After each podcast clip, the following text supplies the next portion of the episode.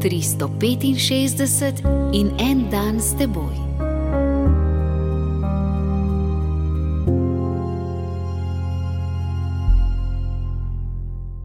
Iz prvega pisma Timoteju, šesto poglavje, šesta in sedma vrstica.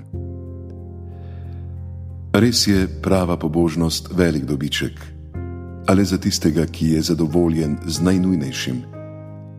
Ničesar namreč nismo prinesli na svet, zato tudi ne moremo ničesar odnesti.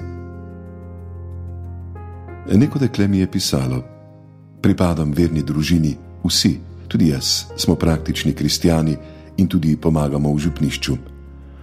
Ampak moja mati je za veliko noč, da ne bi zamudila televizijskega prenosa papeževega blagoslova Urbi et Orbi, pustila pečenko, da se je zažgala. Ali ni to malo preveč? Seveda je preveč.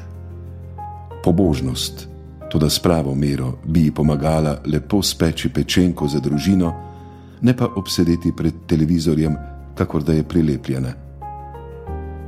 Kar je preveč, še s kruhom ni dobro. In to velja vedno. Tako sem se naučil, da se ne zanesem na tiste, ki hodijo okoli vedno z rožnim vencem v rokah. Za takim razkazovanjem se pogosto skrivajo nameni, ki niso nič kaj pobožni in sveti. In tiste ženske, ki poslušajo verske radijske programe od petih zjutraj do enih po noči, me ne navdušujejo nič bolj kot ljudje, ki kupijo športni časopis, tudi če so vsa tekmovanja v vseh športih odpovedana. In tistim mladim, ki zanemarjajo študij, zato da se igrajo z otroci župnije, želim, da bi srečali koga, ki bi jih spet postavil, dokler še ni prepozno, v tirnice prave mere.